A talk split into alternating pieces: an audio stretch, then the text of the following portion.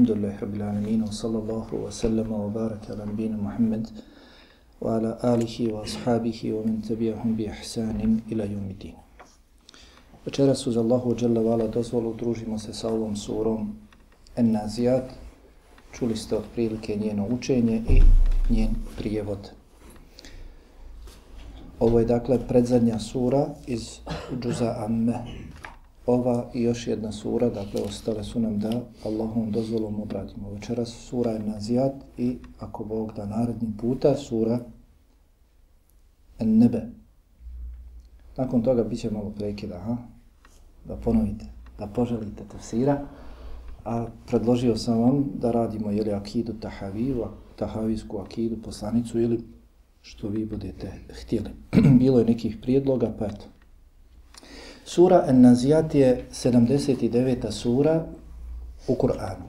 Po redoslijedu kur'anskih sura, sura An-Nazijat je na 79. mjestu. Od sure El-Fatiha do sure An-Nas. Prije nje nalazi se, kako rekao, sura An-Nebe, a posle nje dolazi sura Abese, čiji smo komentar imali prošli puta. Po redoslijedu objave ona je 81. Po redoslijedu objave, kada je objavljena, ona je 81. kuranska sura. I objavljena je nakon sure Nebe. I objavljena je nakon sure Nebe. A poslije sure En-Nazijat objavljena je sura El-Infitar. Sastoji se po učačima Kufe iz 46 ajeta a po većini drugih učača, po ostalim učačima sastoji se iz 45 ajeta. U tih 46 ajeta nalazi se 197 riječi i 753 harfa. 753 harfa. Sura En-Nazijat je mekanska sura po jednoglasnom mišljenju i mnogi komentatori prenose i džma. Jednoglasno mišljenje, konsenzus komentatora Korana da je ova sura En-Nazijat Mekanska sura i od Ibn Abbas radijallahu anhuma se prenosi da je rekao sura En-Nazijat objavljena je u Mekki. U većini tefsira i mushafa zove se En-Nazijat. U pojedinim stoji sura Ven-Nazijat. u pojedinim tefsirima i mushafima stoji Ven-Nazijat, onako kako je li odpočinje. U pojedinim tefsirima još se imenuje kao sura Es-Sahire. Es-Sahire, po riječi koja se spominje u njoj. Također imenuje se At-Tamme, sura At-Tamme. Jedno od njenih imena je sura At-Tamme i također sura Al-Mudabbirat. Dakle, svi ovi termini se spominju i govore o određenim dešavanjima ili određenim osobinama meleka ili određenim događanjima na zemlji prije sudnjega dana, jeli pa se imenuje sura po tim, po tim imenima. Sura En-Nazijat kao i sve mekanske sure, ponajviše govori o sudnjem danu. I govori o tome iznoseći odgovore onima koji ne vjeruju u sudnji dan, mušricima, mnogobošcima. Pa ćemo vidjeti sura En-Nazijat odpočinje i na svome početku govori o mušricima, mnogobošcima Mekke koji nisu vjerovali u sudnji dan i ne samo da nisu vjerovali, već su se ismijavali i govorili, zar doista kada budemo vraćeni u zemlju i poslije postanemo zemlja, čak i kosti pa onda i zemlja, i zar nakon toga budemo proživljeni, e doista ćemo stradati, nastradati ako budemo i proživljeni. Ismijavali se. Pa Allah subhanahu wa ta'ala govori o istintosti sudnjeg dana. Nakon toga prelazi na govor o Musa'u i Faraonu, vidjet ćemo zašto i kako podstiče, naprotiv, naređuje Musa'u da poziva Faraona, čovjeka koji, kako Allah subhanahu wa ta'ala kasnije ispomnije, koji se najviše oholio, oholio na ovom donjaluku. Nakon toga ponovo prelazi na govor o sudnjem danu, spominjući određena svoja znamenja, znamenitosti, određena stvorenja, spominje zemlju nebesa koja su veća stvorenja od čovjeka. Pa kao što je stvorio nebesa, lakše mu je stvoriti čovjeka, kao što je stvorio čovjeka na dunjalku, lakše će mu biti stvoriti sutra na drugome, na drugome svijetu. Dakle, Allah subhanahu wa ta'ala i u ovoj suri, kao i u prethodnoj abese, spominje zemlju, nebesa, jeli spominje određena svoja znamenja kojima dokazuje svoju svemoć. Na kraju, ponovo, vraća se na govor o sudnjem danu i o detaljima sudnjeg dana, pojedinim dakle detaljima, da će to biti teška nevolja, zatim spominje, kao što je običaj mekanskih sura, kada dođe direktan govor o sudnjem danu, da obavezno spominje dvije dakle grupacije ljudi, vjernika i nevjernika, šta čeka jedne, šta čeka druge, pojašnjavajući svoju pravednost, zašto čeka nevjernike to, zato što su kod sebe na Dunjalku imali te i te osobine, bili su takvi, zašto vjernike čeka uživanje, zato što su na Dunjalku bili takvi, takvi i takvi. Između ove sure i prethodne sure, sure Nebe, postoje brojne veze. Postoje brojne veze. Dovoljno je to što govore o sudnjem danu, dovoljno je to što ha, sura Amme završava. Kako? Allah subhanahu wa ta'ala kaže inna enzarnakum jaumen qariba. Mi vas upozoravamo na bliski dan. Na dan koji je blizu. Na dan koji je blizu. A u suri En-Nazijat, sura En-Nazijat završava sa činjenicom da tu, iako je sudnji dan blizu, njegovu blizinu poznaje jedino Allah. Međutim, šta? Opet se završava zadnji ajet sure En-Nazijat spominje da kada nevjernici izađu iz svojih kaburova i vide šta ih čeka, da će pomisliti da su ostali vrlo malo na zemlji vrlo malo na zemlji. Dakle, tako im je brzo prošao dunjalu. Kao što Allah dželovalo u suri nebe kaže, blizu je. I te kako je blizu. Dakle, ovo što je ostalo vremena do sudnjega dana, makoliko potrejalo, to je malo. To je malo. A pogotovo ako se uzme u obzir da svaki naš san, kako se kaže, naziva se kijametu sugra. Svako naše spavanje naziva se nazi, u stvari svaka naša smrt, naša smrt se naziva malim kijametom, a naše spavanje se naziva malom smrti, kao što je poznato kroz kuranske ajete da Allah dželle uzima nam duše kada spavamo. Allah govori o tome. Pa nekima kome je propisao smrt zadrži njihove duše, a nekima kome je propisao još života vrati do trenutka kada dođe potpuno uzimanje njihovih duša. Pa smrt se, e, san se smatra malom smrti, a smrt se smatra, naziva se kijametu sugra. Pa dakle, kijamet je zasigurno blizu, bio mali ili veliki. Smrt ili, dakle, pravi kijamet kada će nastupiti. I zato se trebamo pripremati. Dakle, i cilj ovakvih predavanja i cilj našeg čitanja Kur'ana, bez obzira kod kuće ili na nekom drugom mjestu, mora e, biti cilj proučavanja, izučavanja i rada po njemu.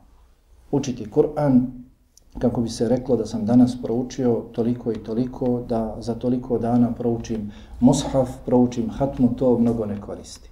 Zato je poslanik Alihi Salucam ha, zabranio da se Kur'an prouči za manje od tri dana, jer se ne razmišlja prilikom učenja. Teško je razmišljati, nema smetnja ako čovjek hifsa pa ponavlja radi toga, ali da čovjek čita s ciljem proučavanja za manje od tri dana, to je nemoguće.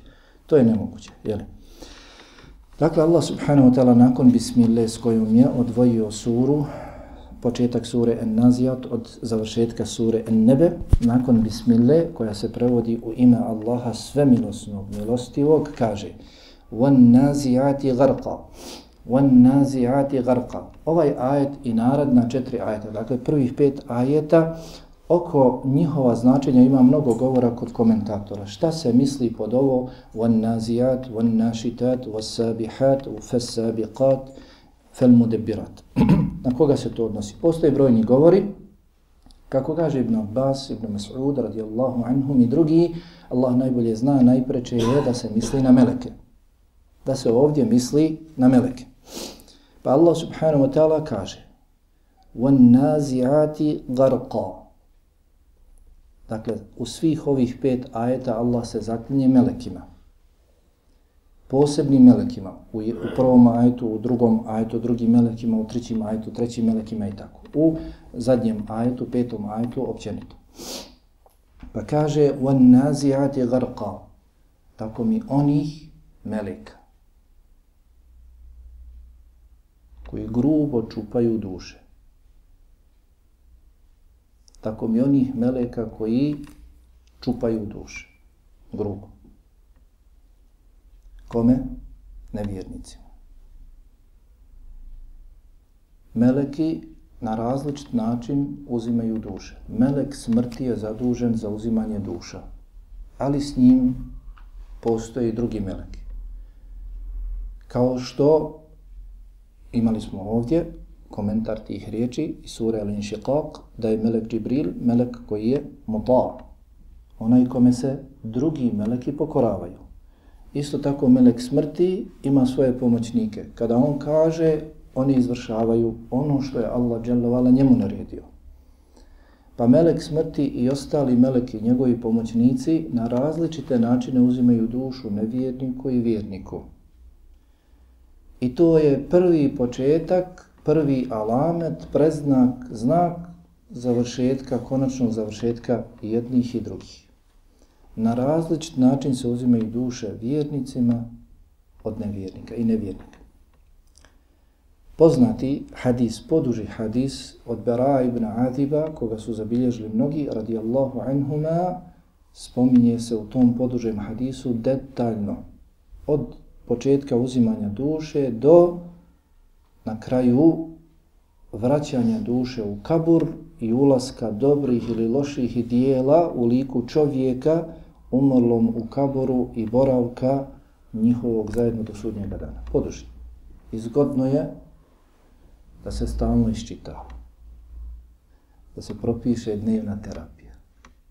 Ono, braću, što nama nedostaje na ovom dunjalku, jeste sjećanje na, na smrt i sjećanje na drugi svijet. Ono što čovjeka najviše postiče, da ispravno iskorištava svoje vrijeme, jeste dakle sjećanje na drugi svijet, sjećanje na svoju smrt i na drugi svijet ahiret. Onaj koji se zaboravi, koji ne želi uopšte da se sjeća, niti da ga drugi postiču, vidjet ćeš dakle u njegovom životu na ovom svijetu mnogo propusta. A sutra ćemo sami mi odgovarati za sebe, sama će naša dijela za nas biti izložena, ono što, kako Allah subhanahu wa ta'ala kaže, inna nahnu nuhjil mauta wa naktubu ma qaddamu wa atharahum wa kulle še'in ahsajnahu fi imamin mubin. Mi ćemo zasigurno živjeti mrtve i mi pišemo ono što šalju. Ma qaddamu, ono što šalju na svoj drugi svijet. I ono što ostavljaju iza sebe od dijela, dobrih ili loših da se radi, ono, odnosno što su bili razlozi sebebi, oni bili razlog da neko čini dobro ili loše dijelo. I to nam se piše sutra će to biti predočeno. Kao što čovjek, ne znam, ovi sa strane, žive, crnče, rade tamo, a ovdje opremaju kuće. Ha?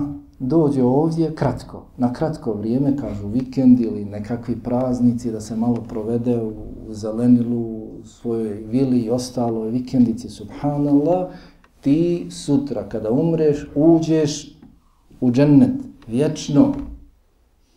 Pa zašto da se ne boriš, zašto da ne opremaš tamo svoju kuću, tamo svoje pašnjake, tamo svoje livade, tamo svoje bašće i ostalo. najbolje čovjek da bi iskoristio svoje vrijeme mora se prisjećati smrti i drugoga svijeta. Kad nastupi, nema više povratka. Nema više povratka. Allah nam govori o tome. Omen azdaqo min Allah qila. Ko od Allaha istinitije govori? Niko. Allah najistinitije govori u svojoj knjizi. O tome govori mnogo. Kada bi se mrtvi mogli vratiti, poželjeli bi ili kada im dođe smrt, poželjeli bi samo da ostanu dan ili dio dana. Kada bi se mogli vratiti iz kaburova umrli, ne bi otišao svojoj ženi, ne bi otišao svojoj djeci, već bi potražio abdesta tejemuma da klanja dva rekata. Već bi rekao subhanallah, alhamdulillah, la ilaha illallah, wallahu akbar, jer kako je došlo i dva rekata i ove riječi su bile poslaniku draže od svega onoga što sunce obasja i vrijednije od svega onoga što sunce obasja. Ne bi otišao i pitao gdje je žena s kojom je proveo toliko i toliko godina, pored koje je spavao, s kojom je uživao, djecu koju je ostavio siročali za sebe. Sebe. Jer zna, kada bude mu se uzimala duša, šta ga čeka. Zato, dakle, trebamo se na dunjalku pripremati i boriti da nam se ne uzme duša na ovakav način. Allah je pravedan. Nikome ne čini nepravdu. Nikome. Prošli puta je bilo thumme se bile jesere. Zatim mu je dolazak na ovaj svijet olakšao, zatim mu je put na ovome svijetu olakšao i dunjaučki put i ahiretski put, odnosno dostavio je sve za, za vjeru, što ti je potrebno. Kao što često spomnim taj ajet, Allah subhanahu wa ta'ala u dijelu kaže Ma farratna fil kitabi min šej. Mi u knjizi ništa nismo izostavili od onoga što vam je potrebno. U Koranu od onoga što vam je potrebno da se spasite sutra, propasti i kazne na drugom svijetu, dosta je. Ono što se nalazi u Koranu, odnosno objavi što je objavljeno. On nazijat gharqa, garqa, tako mi onih koji čupaju duše, grubo. Čim se Allah zakunje njima, dakle to nije mala stvar. Kaže, on naši nešta, i tako mi onih koji vade duše blago. U tom hadisu Bera ibn Adiba se spominje da kada meleki uzimaju dušu vjerniku, da duša izađe iz vjerničkog tijela poput kapljice kada kapne s česme. Kapljice vode. Lahko, otkine se izađe. Dok duša nevjernika se podijeli u komade, razleti se po cijelom tijelu, pa je čupaju. Iz cijelog tijela, sastavljaju, čupaju. Kako je došlo u tom hadisu? Poput vrućeg trna u vuni. Pa vuče za sobom i vunu. Sve vuče za sobom pa se gleda da se izvadi sam taj trn, da ništa ne povuče sa sobom trn, ili dakle onaj, kako se zove, onaj čičak, jel, što za sobom vuče sve. Ha? Tako mi onih koji blago vade duše, vjernicima. hati sebha. I tako mi onih koji putuju brzo, meleka koji putuju brzo ovdje, kod ovog ajeta, opet ima više mišljenja na, na koje se to meleke misle. Općenito sve meleke koji putuju brzo ili meleke koji sa objavom pretiču šeitane, kao što je bilo poznato da šeitani ha, prisluškuju, jedino nisu prisluškivali kada je poslaniku Alihi Salocam počela objava da dolazi, kako kažu historičari, prije i poslije toga mel, e, šeitani prisluškuju. A, međutim, meleki pretiču ih. Ili kažu, budući da je ovdje prethodni ajet o melekima koji vade dušu vjernicima blago, da oni žure, da ti meleki žure sa dušom vjernika, da što prije dođu do jeli, Allaha subhanahu, subhanahu wa ta'ala. Fesabiqati sebqa, i oni fesabihati sebha koji plove brzo, fesabiqati sebqa koji žure pretiču, dakle, otprilike su slični ajeti. Sabiqati sabqa koji pretiču, koji idu još brže, pretiču dakle šeitani. Ovi prethodni ajet treći, osabihati sabha koji plove, putuju brzo, fesabiqati sabqa, zato je došlo fa i pretiču, dakle pretiču kako je došlo u komentaru. Fel mudebbirati amra. I oni koji uređuju ono što im se naredi svi meleki uređuju ono što im se naredi. Rade ono što im se naredi. Debberaju, debbiru znači urediti, srediti, dovesti pod kontrolu. To su dakle svi meleki koji su zaduženi određenim zadužbinama. Od meleka Džibrila koji je bio zadužen objavom, od meleka Mikaila koji je zadužen za kišu i rastinje, od meleka koji pišu naša dijela, koji nas čuvaju, meleka koji vade duše, dakle sve.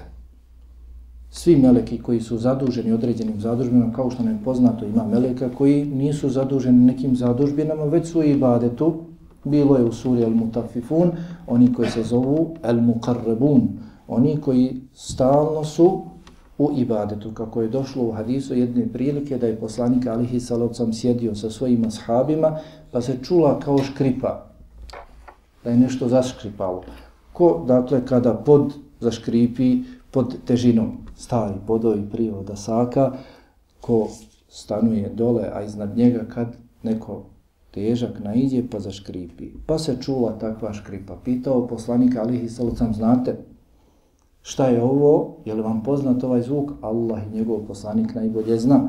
Pa je rekao, nebesa su zaškripala a imaju pravo i da škripe jer nema prostora koliko je četiri prsta da na njemu nije melek koji je na ruku i na sečdi.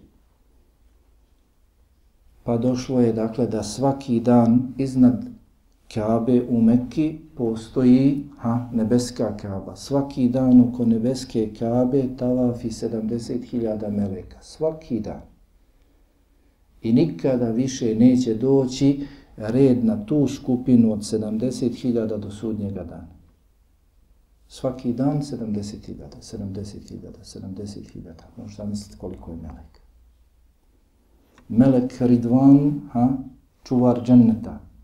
Melek Malik, čuvar džahennema. Jel, I drugi melek.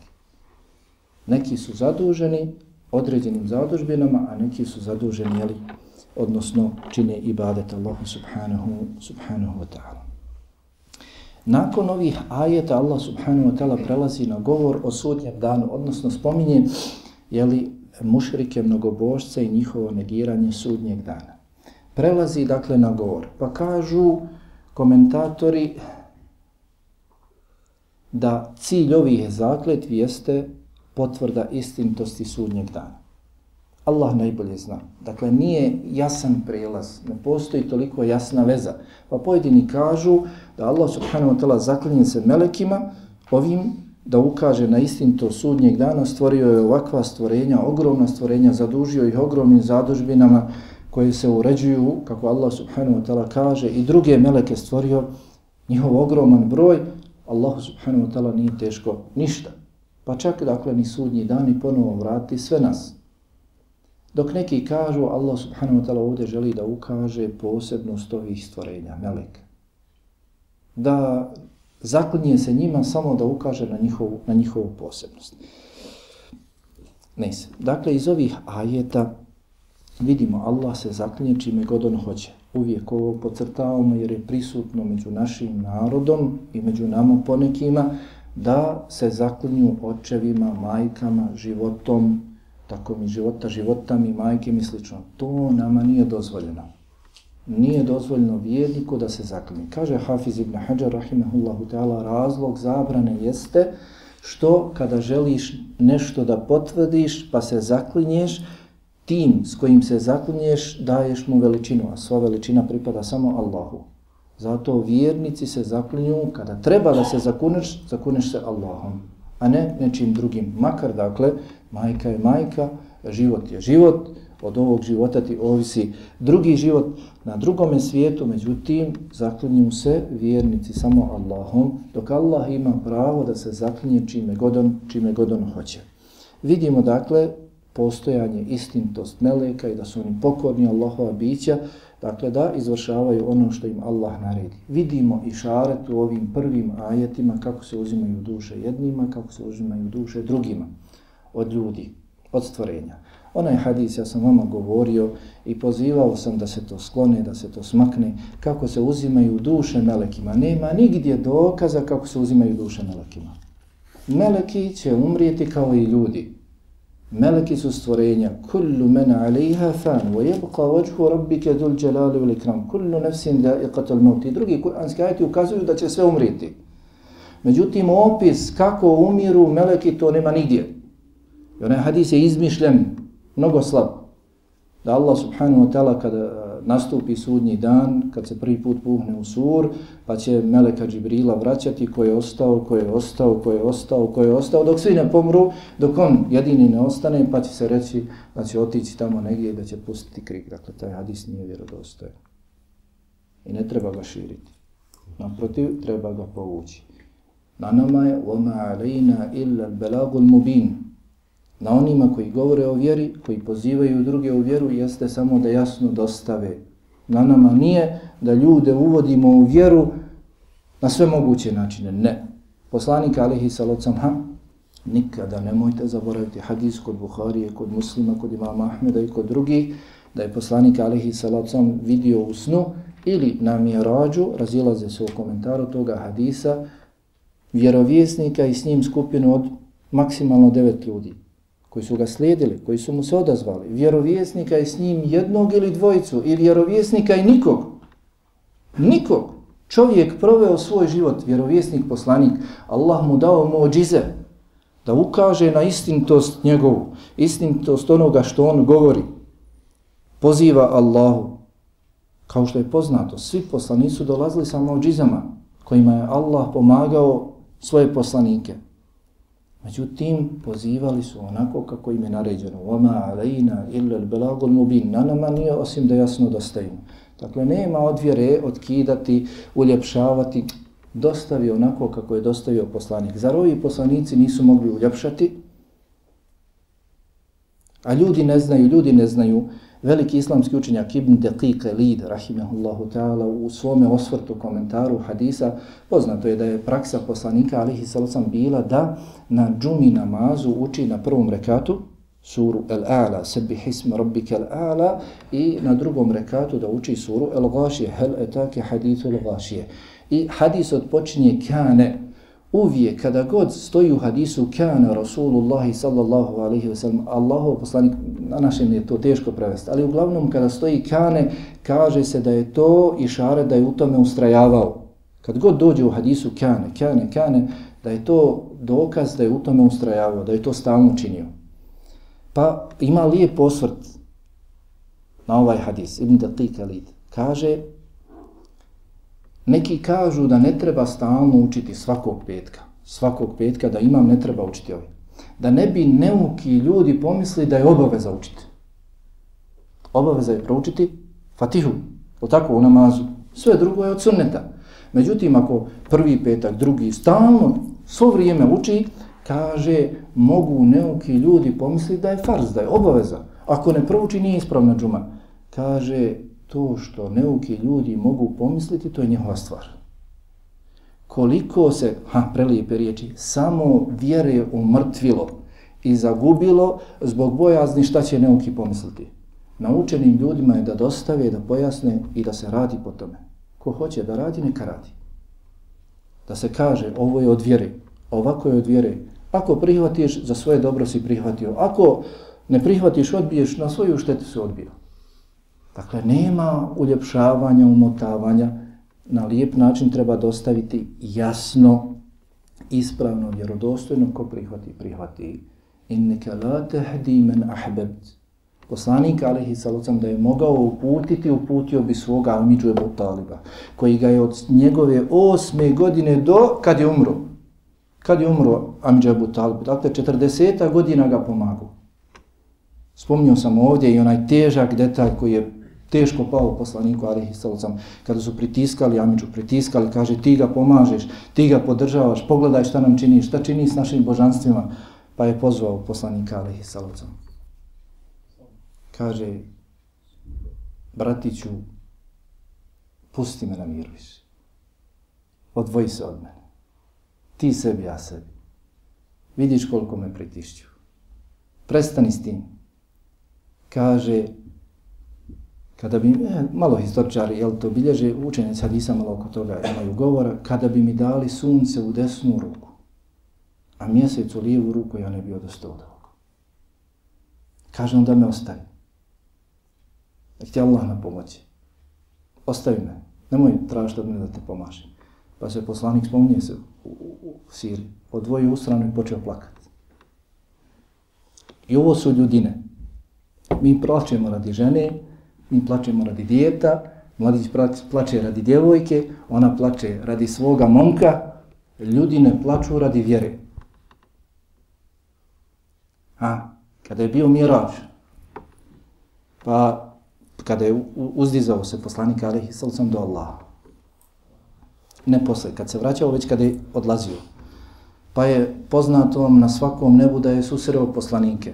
Kada je sreo Musa i razgovarao, pitao Musa, ko si ti? Musa njega upitao tako, tako. Kad je Musa kre, kad je otišao od Musa, kad se okrenuo i krenuo dalje od Musa, Musa zaplakao. Musa zaplakao. Kad je što plačeš, kaže, ovaj će imati više sljedbenika od mene više će pozivati, njegova vjera će imati više kabula nego ono što sam ja. Zbog toga su ljudi plakali. Odvojio se poslanik Alihi sa u stranu počeo da plače zbog vjere. Šta će biti s vjerom? Strah ga za vjeru. Nema ga više ko pomagati i podržavati. Pa ga zovno omđa, kaže, nastavi, imaš moju podršku. Ustraju to, ja ću te pomagati.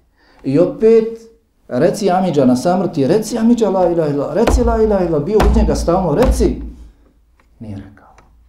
Da je mogao Muhammed sallallahu alaihi sallam da uputi nekoga, uputio bi svoga Amidžu koji ga je pomagao 40 godina na ovakav način. Pogledaj. A nije, kaže Allah, inneke la tehdi men ahbebt, volakin Allah jehdi me ješa. Ti ne možeš uputi koga ti hoćeš, Allah upućuje koga on hoće. Zato dostavi, ne umotavaj, ne uljepšavaj.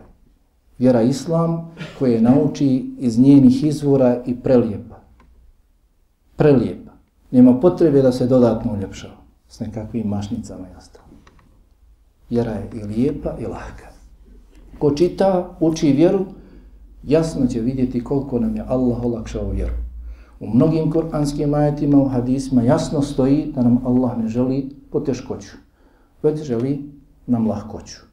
Naprotiv, kada kaže, i bio je ovdje komentar te sure, sure El Inširah, inne ma'al usri yusran, inne ma'al usri yusran, i komentatori kažu da ovdje Allah obećava zbog jedne tegobe dvije olakšice. Zbog jedne tegobe dvije olakšice. Da će ti Allah duplo olakšati od onoga na čemu se ti strpiš od tegoba problema. Ne se. Uglavnom, dakle, ne spominje se nigdje u vjerodostanim predanjima kako umiru meleke, kako im se uzimaju duše. I s tim treba stati onaj ko širi. Vezano za nas, odaberimo, pripremajmo se kako će nam se duša, kako će nam se duša umriti. Kaže Allah subhanahu wa ta'ala jevme tarđufu rađife, tetbevhe rađife, kulubu jevme idim vađife, ebsaruha hašja. Da ne odudimo s komentarom. Ja. Onoga dana kada se zemlja zatrese, prvo puhanje u sura. Ovaj ajet šesti govori o prvom puhanju. Jevme tarđufu rađife, kada se zemlja prvi put zatrese. I na njoj se sve poravna. Tetbevhe rađife, i kada uslijedi ponovo drugo puhanje u suru. I zemlja se zatrese izbacujući iz sebe terete, izbacujući ljude. Dakle, šesti ajd govori o prvom puhanju u sur, sedmi ajd govori o drugom puhanju u sur, dva puhanja u sur. Pojedini kažu, komentatori, tri puhanja u sur, misleći na da će biti prvo od kojeg će ljudi pasti u nesvijest, drugo od kojeg će umrijeti, treći od kojeg će biti proživljeni. Ali, dakle, to prvo i drugo jedno. Uglavnom dva puhanja za smrt, za umiranje, sve će umrijeti, neće niko biti živ, osim koga Allah subhanahu wa ta'ala na nebesima izdvoji i, dakle, drugo puhanje u sur kada će svi biti proživljeni iz zemlje. Pa prejasno se kaže i zaključuje dakle da sedmi ajed se odnosi na drugi, drugo puhanje u suri, Allah kasnije u osmom majtu kaže kulubun jeume idin vađife. Srca toga dana će biti prestravljena kada izađu ljudi iz kaburova, kada se drugi puta puhne u suri i ljudi izađu, prestravit se. I pogledaj kako Allah govori. Kulubun jeume idin vađife, ebu saruha hašja. Toga dana njihova srca će biti uznemirena, prestravljena, a pogledi biti oborani. Kratko Allah govori da će čovjek sav biti prestrašen. Spominje njegovu unutrašnju srca i spominje njihov pogled. Oborit će glavu. Gotovo. Vidjet će da je istina. Sudnji dan istina. Kada ih Allah proživi. Došli su nam i kuranski ajeti brojni, evo, džuz amme ponajviše govori o tome, o proživljenju, o sudnjem danu, hadisi da će ljudi biti proživljeni, goli, bosi, neobrezani. Ajša kaže, muškarci i žene, kaže, muškarci i žene, pa gledat će jedni u druge, neće im pas na um da gledaju jedni u druge. Naprotiv, oborit će poglede i straha, a srca će im kucati, biti uznemirena. Šta ih sada čeka? Istina je. Nisu vjerovali u to. Nisu se pripremali za to. Šta će biti s njima? Pogledaj. Na Dunjavku i to je, pričaj. Današnjem Božnji pričaj ne vjeruje i smijava se. Ima koliko hoćeš. Ali opet kažem ono što je rekao Ibn Dakikalit. Treba pričati i pričati i pojašnjavati. To što će neko reći ko se od vratio, nemoj meni tih priča, to je njegova stvar. Allah govori o tome u svojoj knjizi. Koliko? 86 ili koliko? 86 kuranskih sura je mekanskih. I mekanske sure su poznate po govoru o sudnjem danu. Da to nije bitno, ne bi Allah toliko govorio. 23, 24 imena sudnjeg dana spominju se u Kur'anu. A ono što se mnogo spominje, o čemu se mnogo govori, to je normalno, bitno. I kod nas ono o čemu se stalno priča, to je bitno. Međutim, oni se ismijavaju pa kažu يَقُولُونَ اِنَّا لَمَرْدُودُونَ فِي الْحَافِرَ اِذَا كُنَّا يَضَامَ النَّخِرَ Kalu tilke idhen karretun hasire. Ovdje malo čini mi se da ovaj ajet prvi nije dobro preveden. Jekulune e inna le mardudune fil hafire. Kažu, zar kad budemo vraćeni u hafire je hufratun e, jama, odnosno kabur. Ovdje se misli na kabur.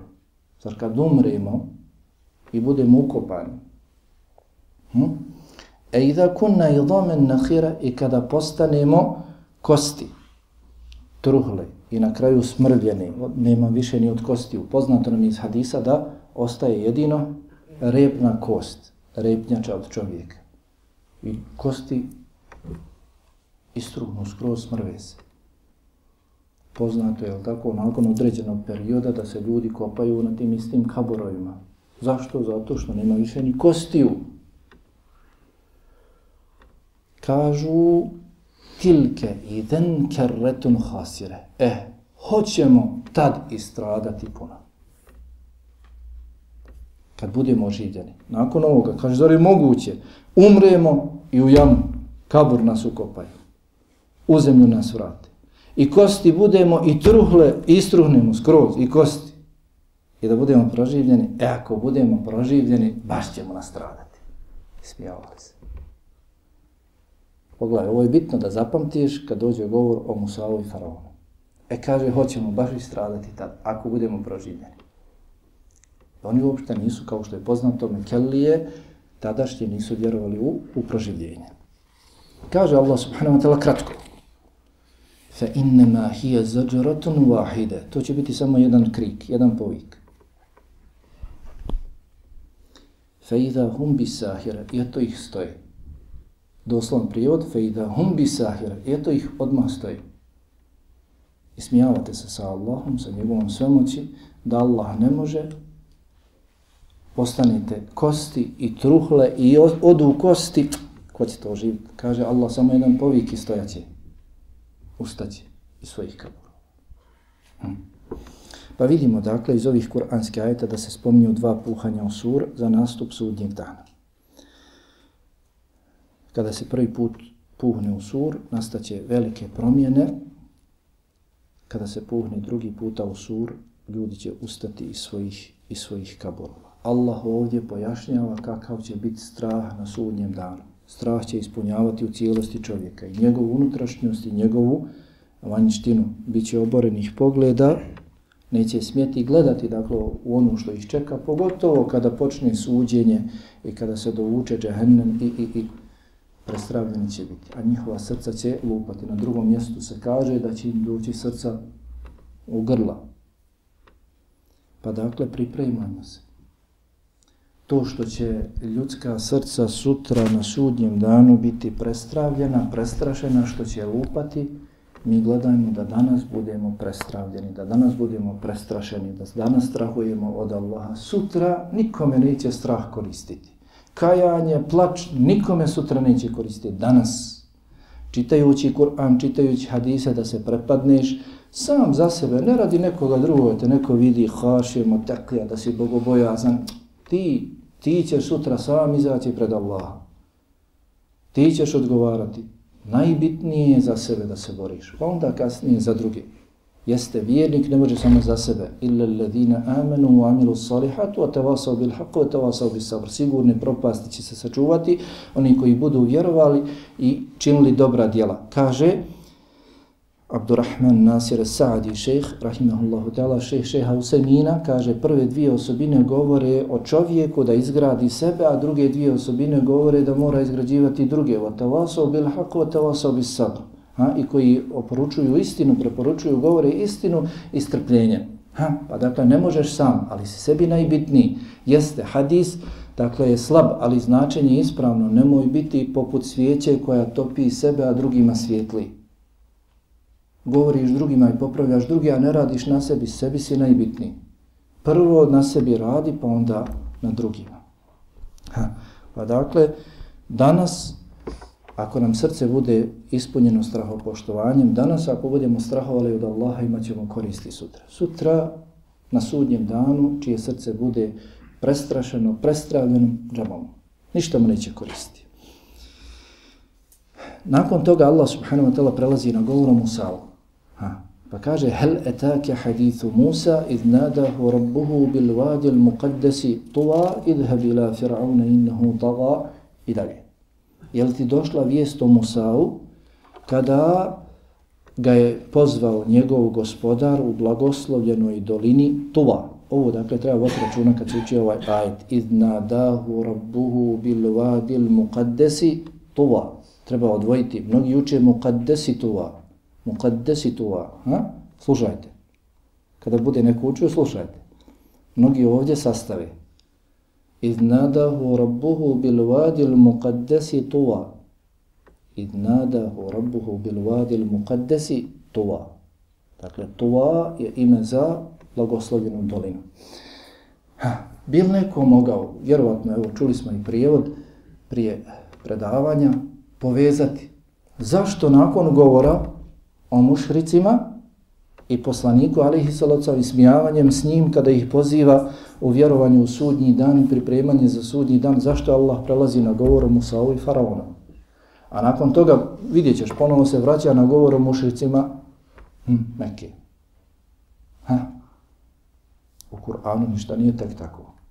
Dakle, svaki kur'anski ajet, svaka kur'anska sura ima vezu sa prethodnom, sa kasnim, tako i ajeti. Su mušici dobro su nasljeđivali istu stvar, svi su ovaj, poricali na isti način, proživljenje. Dobro, cilj sad govora o Musa'u i Faraonu je zašto Allah prelazi iz govora o mušricima na govor o Musa'u i Faraonu. Šta želi s tim? Hm? Je vam poznata sura Jasin? Ko je? Hođinski. Hođinske familije. Sura Jasin, ha? Na prvoj stranci Allah subhanahu wa ta'ala govori o poslaniku Muhammedu alaihi sallam, njegovoj istintosti, istintosti njegovog puta i ko će se okoristiti od njegovog savjeta, ko neće. Ha. I spominje, dakle, Allah subhanahu wa ta'ala detaljiše pa spominje one koji neće se okoristiti. Zašto? Zato što su oni takvi, takvi. Šta ih je dovelo do tog stanja? Allah govori na prvoj stranci. Na drugoj stranci prelazi na govor o stanovnicima jednog grada kome Allah poslao tri poslanika. Zašto nakon govora o stanju u Mekki prelazi na govor o njima? Ha? Znajte, dakle, uvijek ovakva kazivanja imaju, uglavnom, imaju dvije poruke. Jedna da zastraši one koji se ne odazovu, a druga poruka jeste da učvrsti, dakle, da bude posticaj vjernicima. Pa i ovdje. Ha? Nakon govora o mušricima koji su se, jesu mušrici vjerovali u Allaha? Ha, jesu. Ali su mimo Allaha činili ibadet svojim lažnim božanstvima, kipovima. Vjerovali su Allaha, ali nisu vjerovali u sudnji dan. Dobro. Teško poslaniku, ali ih se sam bilo. Pogledaj kako kaže, e, hoćemo istradati baš ako budemo prošli. Nakon toga Allah dolazi s govorom o faraonu koji nije uopšte vjerovao Allaha, Nemoj da ti Muhammede bude teško. Ustraj. Nemoj da poklekneš zbog toga što se s tobom ismijavaju. Pogledaj sad šta je bilo sa faraonom. Kakav je bio. Nije vjerovao uopšte u Allaha. Ovdje se sada spominjao tako i Allah baš tu činjenicu spominje.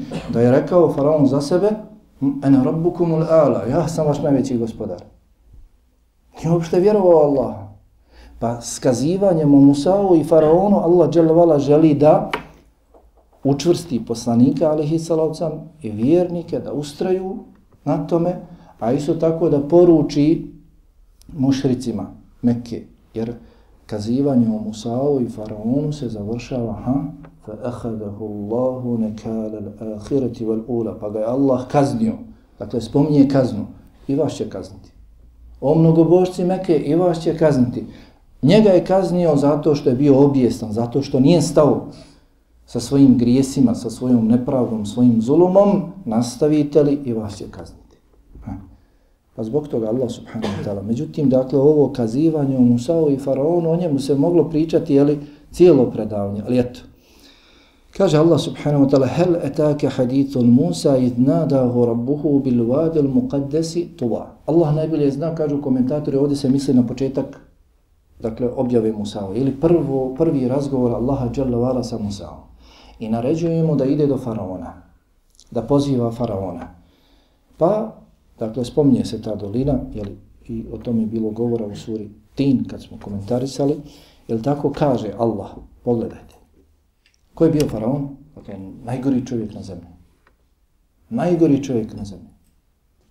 I Allah ga je ostavio dokazom svima. Možete jel tako vidjeti? Njegovo tijelo. Allah je sačuvao da bude pouka svima. Čovjek koji je bio poznat po ubijanju, skidanju glava i življavanju nad ženskom djecom i ženama. S njima činili. Iskorištavali ih, a muškarce koristili za radnu snagu, a djecu koja se rađala ubijao je. Sebe smatrao jedinim Bogom. Sebe smatrao da on vlada svim što onim što ono ljudi vide ispred sebe. Da je on to sve stvorio. I slično. Dakle, čovjek, ne znam danas da ima takvog. Može biti samo i nađija.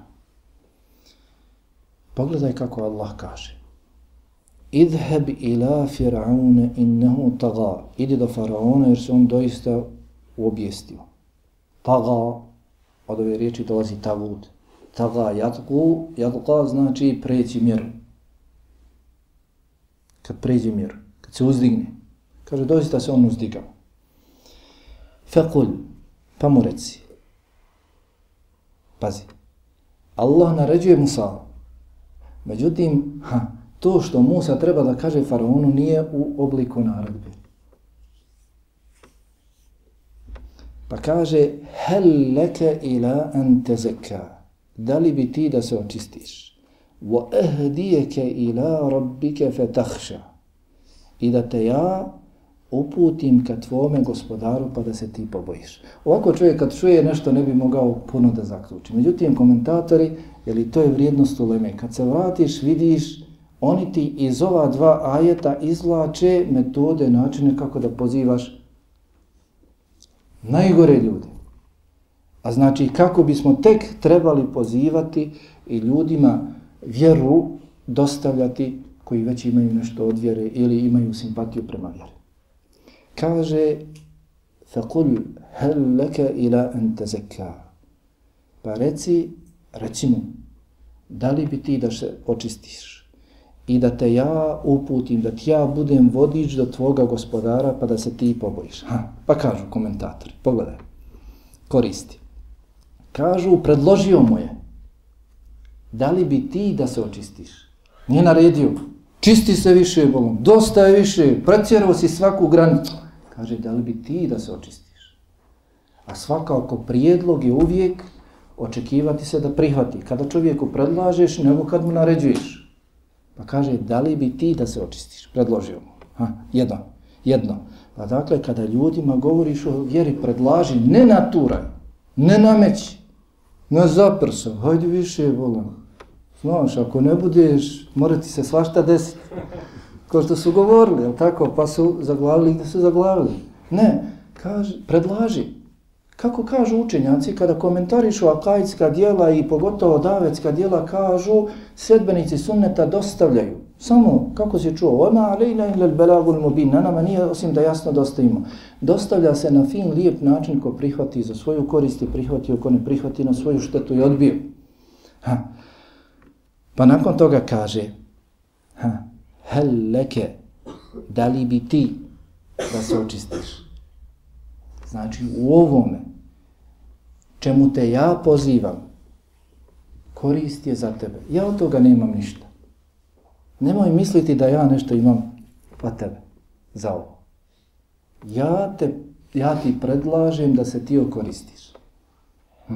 Pa dakle, govoriš ljudima, pozivaš ljude, radi njihove vjere. Ne da bi se reklo, hej, Eldar mi se odazvu, hej, Eldar tamo prepisuje moje dersove, piše, joj, ima li još takvi, hajte ljudi, znam, nijedan poslanik, nijedan njegov sljedbenik, nijedan daja ne pozivaju u sebi, već pozivaju u tvojoj koristi, da se ti okoristiš. I onda kada budeš tako ljudima prilazio, pogledaj, čitaj sve hadise, evo sad ako Bog da treba ova knjiga, onda to lahko onda izađe. Komentar hadisa koji su sakupli Buharija i Muslim, Od početka, od abdesta do kraja, fik što obrađuje. Skoro iz svakog hadisa vidiš brigu poslanika za svojim sljedbenicima. Brigu poslanika za svojim sljedbenicima. Pa kaže, jeli, mnogi hadisi. Naći ćeš tu. Dakle, i onaj koji govori ljudima o vjeri, govori iz brige za njima. Ne, dakle, da bi on imao neku korist od toga. Drugo, jeli. Zatim kaže, hel leke ila en tezekka, da li bi ti da se očistiš?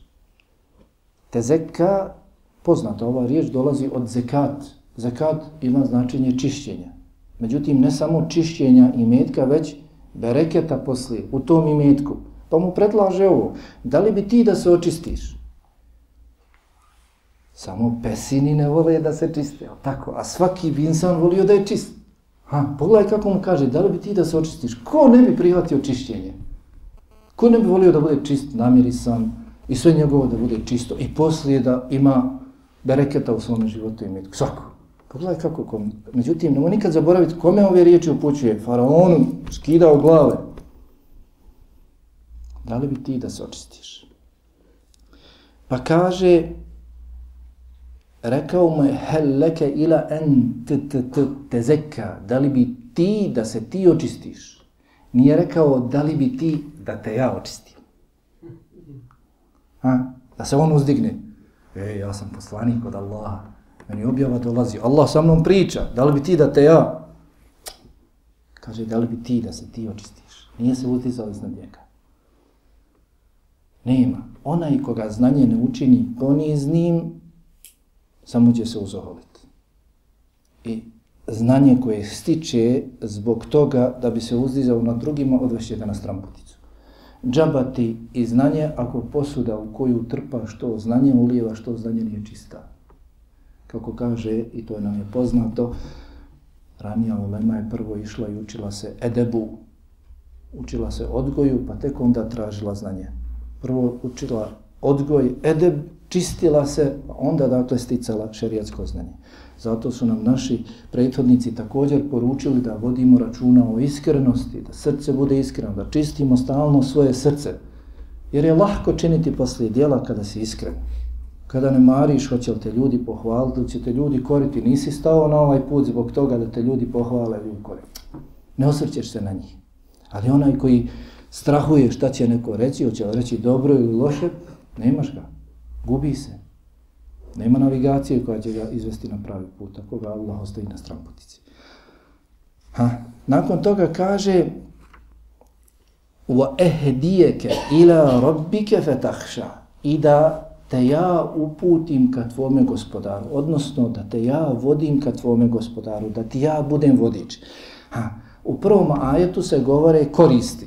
Da li bi ti da se očistiš, da li bi ti da imaš posle i bereketan život i tako. A u drugom ajetu han kaže, ako smatraš da je u tome šteta, ako smatraš da je u tome zlo, ja sam ispred tebe. Ja sam tvoj vodič. To zlo će prvo snaći mene. Ako misliš da je zlo u tome, ja idem ispred tebe.